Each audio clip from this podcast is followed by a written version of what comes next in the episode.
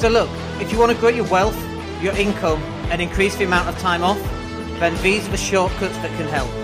Welcome to the Wealth Creation Podcast. And welcome everybody, it's Dan. Hope you're well today. It is a Monday, I think. I'm so confused over what day it is. Been working very hard all weekend, uh, because we're on about the business growth show. Our business is just flying at the moment, which is really cool. But boy, it's taken a lot of work and a lot of effort to um, just to get everything in place. And so we're working a lot of hours, and we're also hiring again, which is also nice. We all seem to be hiring somebody for something, um, but that's very good. But it also very very relevant, I thought, to talk about building teams around your business growth because that's exactly what we do in my business. And um, sometimes it's obvious what to do. I think, and then other times I think it's really not obvious, and I think it's really hard. Um, so I just wanted to kind of cover off with that. Uh, cover that off and uh, hopefully answer some of those questions as to what we're doing that might kind of inspire you or give you an idea about what you can do in your own business as well. So first up, let's talk about the delegation of tasks. This is really, really important. So what tends to happen in most businesses is that a business owner goes, Oh no, but you don't understand. Only I can do this as well as I can do this, right?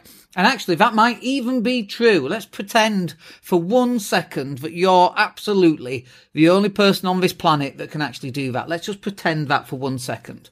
Um, is it true though? It's not. It's really not true, is it? But even if it was true, there, there are only so many things that you can do, right? You've got the same 24 hours Uh, that every person has in that day, right? We're on a 24 hour clock, unless you kind of traveling at the speed of light and you're slowing speed down, it's just impossible, right? So you can only do, you've only got so much energy and so much time to fit in. So then it's like, well, what are you really good at? What are you not really good at? What are you good at, but you still need to delegate out? And so, for example, um, normally I would schedule some of my content. We've got another person that does it for us, but I'm like, it's just taking me so much time because we've got so much content going out. You know, we've got live streams, we've got short videos. And actually, it's a really bad use of my time because scheduling content is a, is a, what I would term as a low value task. It's not going to change the world, but it has to be done. It has to be done right. It has to be done properly. And so I should really be delegating that task. It's like video editing. I used to love video editing.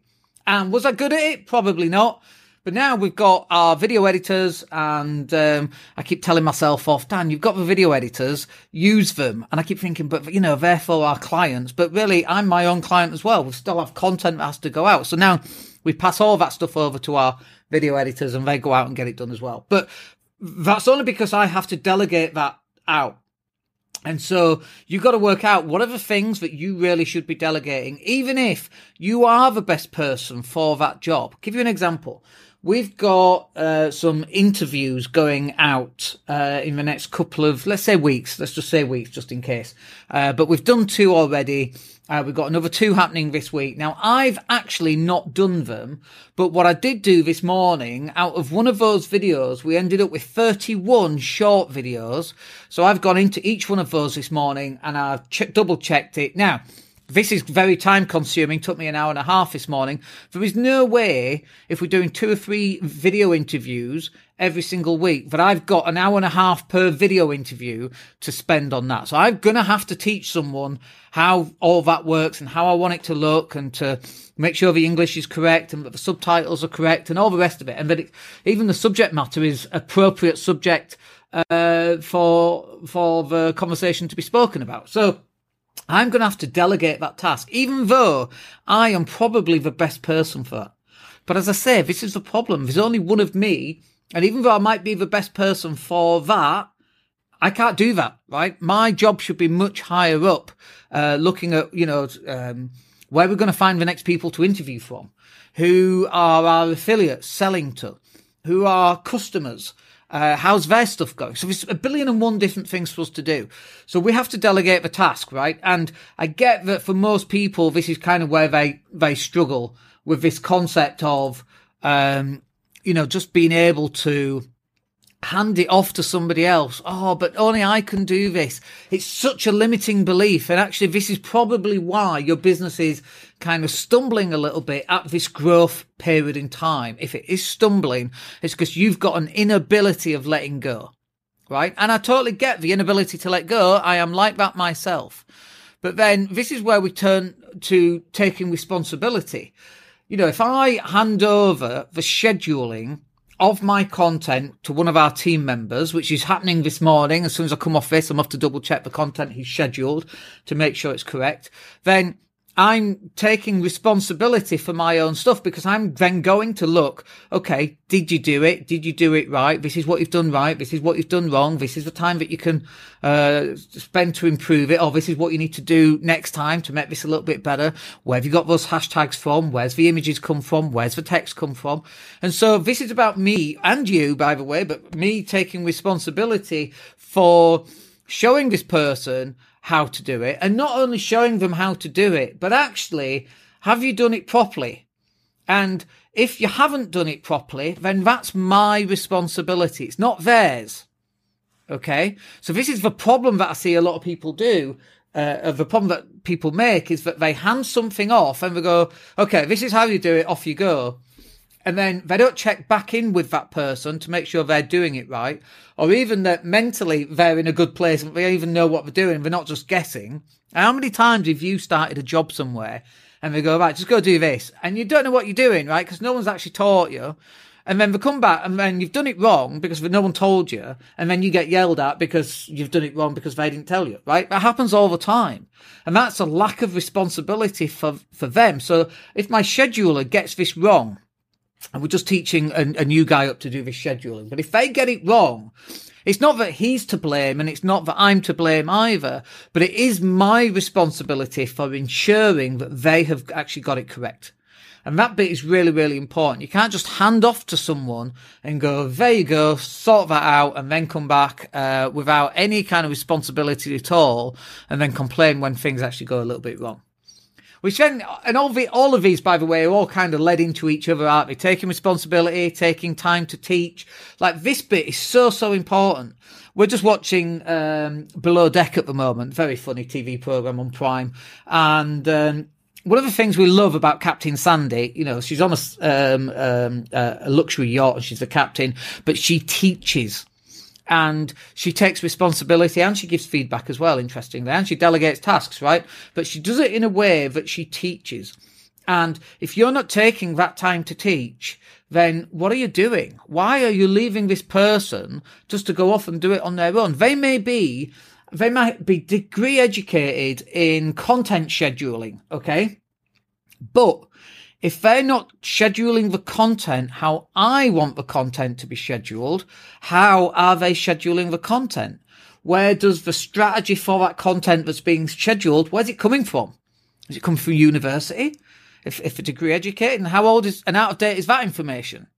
So you've got to take time to teach how you want things to be done, not just how things are. Because this is one of the big stumbling blocks for me in growing my business is I go, well, this is, this is what it looks like. Off you go, go and do it. And, and these people are more than capable of implementing it, but they don't know how I want it to be implemented. And you might go, well, Dan, maybe you're always wrong. And you're right. Maybe it is. But that's that's for me to make those mistakes, and it's for me to teach the people that I want it done in this way. And if it's wrong, then I'll change the way that I want it to be done. But this is how you stand out in business. This is kind of a, a, a continual learning point for me. Every time I've gone in my own direction and done it my way, no, don't do it that way. I know that's how you've always done it, but I want it done in this particular way. Every time I've gone and done that, I've been more successful than just relying on the person to use their existing knowledge. The combination of their existing knowledge plus the way that I want things to be done, that's where the gold is right there. And if my business is failing in any way, it's because I'm not actually pushing that more. Yes, you've got all this information and yes, I agree. That's a very valid point. That's still not how I want you to do it. I want you to do it in my particular way. And that is about you then taking that time to teach. And then just finally on this, you know, this bit is like um, it's like a loop, isn't it? You know, you take responsibility, you take time to teach, they then go and implement. Then it's down to you to double check what they've done and go and provide feedback. Hopefully it's positive, but also sometimes it's not positive. And so it's like, you've done it wrong. That's not how I explained to go do it. Uh, it's in that video. Go rewatch the video and go and um, learn how to redo it because you've not listened to what I said before. That's it. There's no getting upset. There's no swearing. There's no, um, there's nothing, right? There's just instructions. You've, you've not followed the instruction. You've got that wrong. Please go review it and redo it and then we'll get it right. And sometimes you got to be nice and sometimes you got to be not nice. So, uh, you know, if I'm in basketball, there's um, there's a if you're defending a big player in basketball and they're sitting on you and your arms out, you're feeling them and they're feeling you. But as soon as you step away, they fall over, right? It's called pulling the chair in basketball. This is what you got to do with staff. The staff have to know where where can they sit, right? And if you pull the chair away from them, um, and without giving feedback, you know, it should be a to and fro. They should be sat comfortably on you. And it's the same kind of thing when you're giving feedback. You don't want them to think everything's perfect, even if they get it wrong, because there are consequences to getting shit wrong, right? I think we can all agree that there are definitely consequences when you get something wrong. And you can't allow them to think, oh, well, it's fine if, if I just get something wrong. And I feel like this with kids kids are not perfect and I'm not perfect. If I get something wrong with HMRC, do you think the HMRC are like, oh, it's fine, don't worry, here's feedback, here's how it works? No, there's consequences. And I'm not saying that you have to give bad consequences, but you have to give positive and negative feedback if that person's not done the task that you've explained clearly, correctly. Now, sometimes it could be that you've not actually done your job properly, and then you also have to take responsibility for the fact that they were unable to learn the task properly because you've not given it properly, right? So we're back to taking responsibility again. So these three items here, the taking responsibility, taking time uh, to teach, and then providing feedback, all those are the same part of the same function. They're all part of the same loop. Taking responsibility, taking time to teach, providing uh, feedback, taking responsibility because it's gone well or it's gone bad, then taking time to teach so they've got an opportunity to correct and then providing uh, yet more feedback in nlp we would call that sensory acuity by the way and so when you're growing your teams you do delegate the tasks then you've got to take responsibility you've got to teach them how to do it then you've got to provide feedback and then the task might have changed slightly because you've taught them wrong and then you take more responsibility, you take more time to teach, and then you start providing feedback. So it's just a really simple loop. The problem is, but I think that most people just go, here, I need this doing, off you go and go do it. Or they teach them for five minutes without understanding that the teaching aspect of this is a continuous process. It's not just something that you do once. It is a continual process. I'm in communication with all my team members on a continual process, teaching them how I want stuff to be done. All right, I hope that's useful. We'll catch up with you on the next one. My name's Dan Latto. Have a wicked day. Take care. Hey, it's Dan here. Thank you for listening. Really appreciate each and every one of you. Please click like or subscribe to the entire podcast.